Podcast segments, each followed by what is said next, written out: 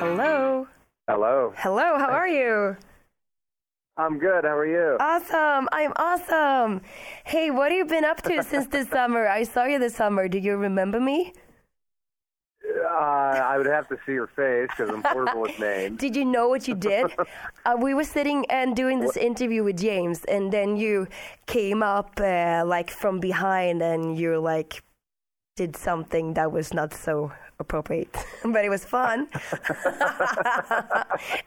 Sounds like me. yeah, I know. It was totally you. I love it. Uh, so um, I just had an interview with James, and uh, Okay. tell me what you think about the new album coming up on this Friday. It's probably the best record in the world. It is. I'm just kidding.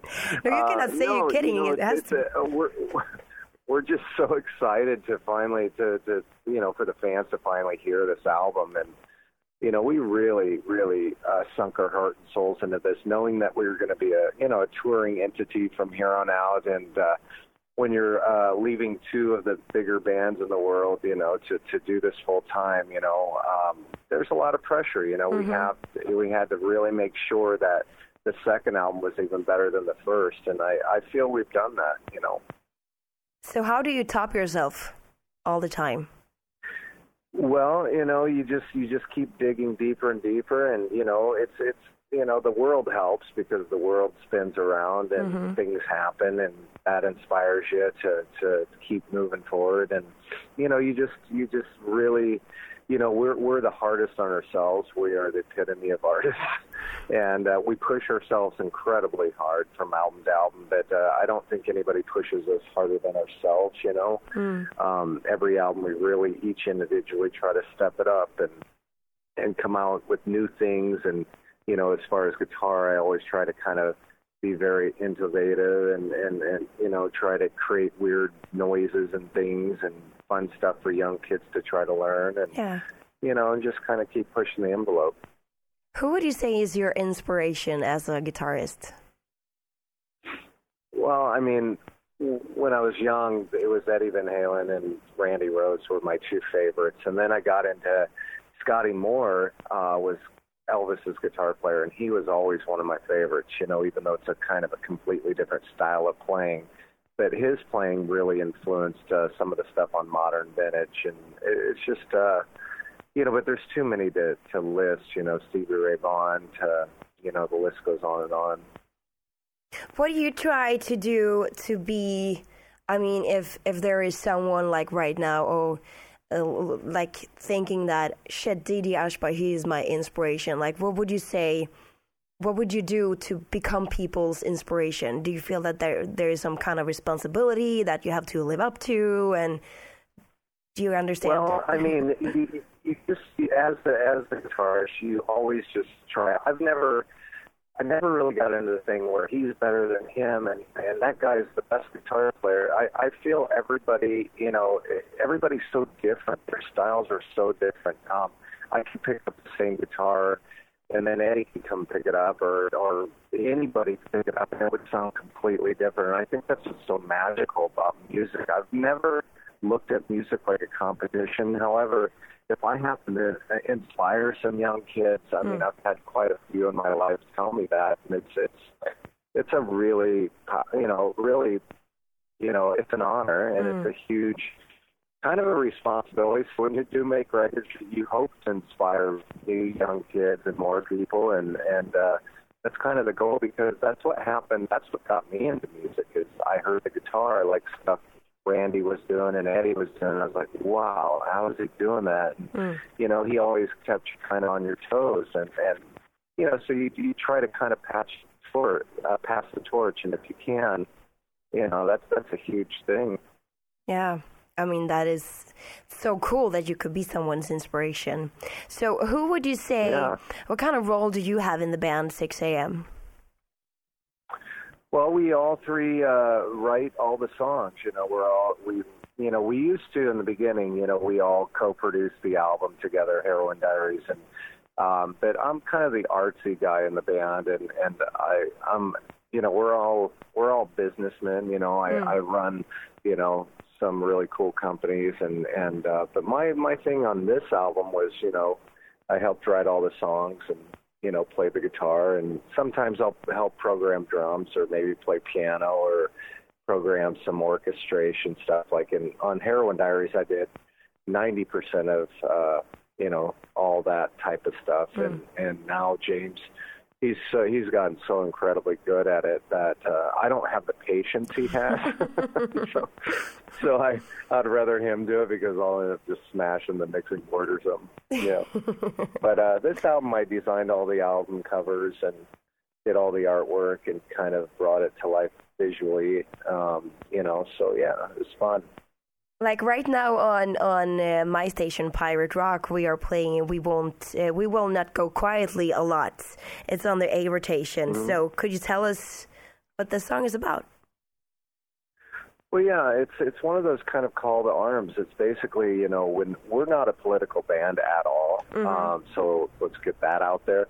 But you know it, we're, we're artists and we reflect and and on what's going on and what what's going on in our surroundings and stuff. And we write about it. We get inspired about it good or bad. Yeah. And you know with all the shootings and the elections and and and all the craziness and everybody is scared yeah. you know everybody's scared nobody knows what's going to happen and you know so songs like rise and we will not go quietly is basically it's it's it's almost kind of a, a modern day uh, we, you know, we're not going to take it. You know, yeah. it's just like, you know, stand up and use your voice and, mm-hmm. and be heard, you know, and we're not telling anybody, you know, regarding the election who to vote for. We, we, we were never trying to do that. It was just, you know, don't, don't sit around on your hands. Get up and, and use your voice because we do hold the power as, as, you know, as uh, a group of, you know, humans. You know, we, yeah. we run this world, and sometimes it's easy. Media sometimes has a way of spinning things to make you forget that we're actually, you know, it's united we stand. You mm. know, and that's what the song's about. Yeah, yeah. You guys are playing tonight, right? What is the feeling in your body right now? What's that now? you guys are playing tonight, so what is your feeling in your body? Are you excited? Well, it's funny. We are pulling in. I'm in, I'm in the back of the tour bus on my. I got a little office set up back here, and we're pulling into the arena right now, and it's it's a great feeling to be able to do this for a living. Mm-hmm. You know, day after day, night after night, and our fan our fans are the reason we are sitting here on this bus. They're the reasons we're, you know, successful, and and uh, they they are the reasons we're a band right now. Mm-hmm. You know, the reason why we're a band right now because, you know, we, we never wanted to be a band. We were just three best friends that loved to write music and and and it was kind of Sixx:A.M. was always an escape away from the music industry, so to speak, because yeah. there's so much drama that comes along with the real music industry that this is a way for us as true artists to get away from all that and actually just write. And we didn't have to worry about hit songs, and we didn't have to worry about a label standing over our shoulders or management going, "No, you need a hit song," you know. Yeah. And it was just a, it was a complete freedom, a labor of love. And and the cool thing about that is, it's still the same way. We've never lost that, and I think that's what's so cool. We don't change anything about the formula. Mm. It's the three of us. We write everything. We produce everything. We do all the artwork. We we're very hands on. So for that, I'm I'm really proud of us, you know, and uh, thankful for the fans for allowing us to do this ten years later. Mm-hmm. You know what? I think, what? I think you're fucking awesome. well, thank you. okay, so I'm just gonna shoot with some fun questions now. Are you ready? I am ready. Cool. Oh yeah. So if you were to if you were to choose any type of power, a superhero power in the world, what kind of superhero power would you have? Oh God, I would have to fly. I think I think that would be just I've always dreamt had dreams of being like a crow and just flying and and swooping down through canyons. I just think that would be the most incredible thing. Plus, I could claw people's eyes out too. I would, I would love it. I would love to fly. Just the feeling of freedom. Yeah, that would be cool though. So uh, next Yeah. question: If you were to slap someone in the face, who would that be? oh God, um, probably Nikki, You do? Why? but out of love, but out of pure love. No, we we have this little brother, big brother thing. We've had it our whole lives together for 15, 20 years that we've known each other, and it's just we, uh, you know we joke about that. We're we're Heckle and Jekyll, so we're always playing jokes on each other. We're always just like you know you got to always be on guard and. You know, we always joke like we'll be on our deathbed, and I'll walk in and like accidentally kick the kick the cord out of the wall, and he'll Oh flatline, and I'll just wait and plug it back in and be like, "Nah, just kidding." and you know, I go, "We're going to be this way till the day we die." We're just, we're, it's a very, very brotherly love thing, but it's uh, it's fun. I just uh, asked uh, James the same question, he, and he told me that he would like to slap you in the face. Me?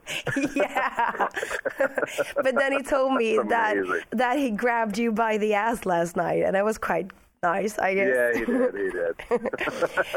So if I'm you, sure there'll be uh, there'll be uh, pictures of that one online. I'm sure. yeah, probably, but who cares? What was his reasoning for it? This is Uh, interesting. he didn't. He didn't really have a reason. He's like, okay, okay. wanted to slap him. Uh, I would, I would choose DJ Ashba. Okay, okay, cool. um, so, if you were to be a girl for one day, what would you do? Be a what? A girl? A girl. Uh, what, what would I do? The first Yeah. thing?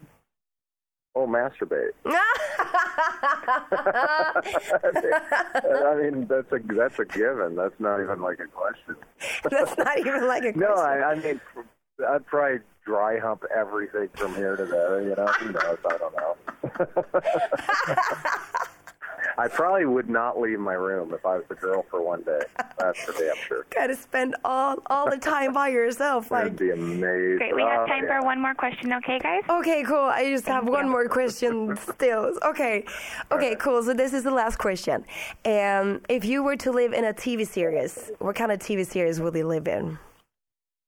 A TV series? Yeah. Um, probably. Uh, I you know, it'd be cool to do. Uh, I always thought it'd be really interesting if if the fans could could take a peek into my personal life. I have the craziest life running the clothing store, the clothing company, and the media company, and the band, and you know, it's it's nuts. You know, hopefully one day I'll I'll do my own show. It'd be kind of fun for people to see. I think.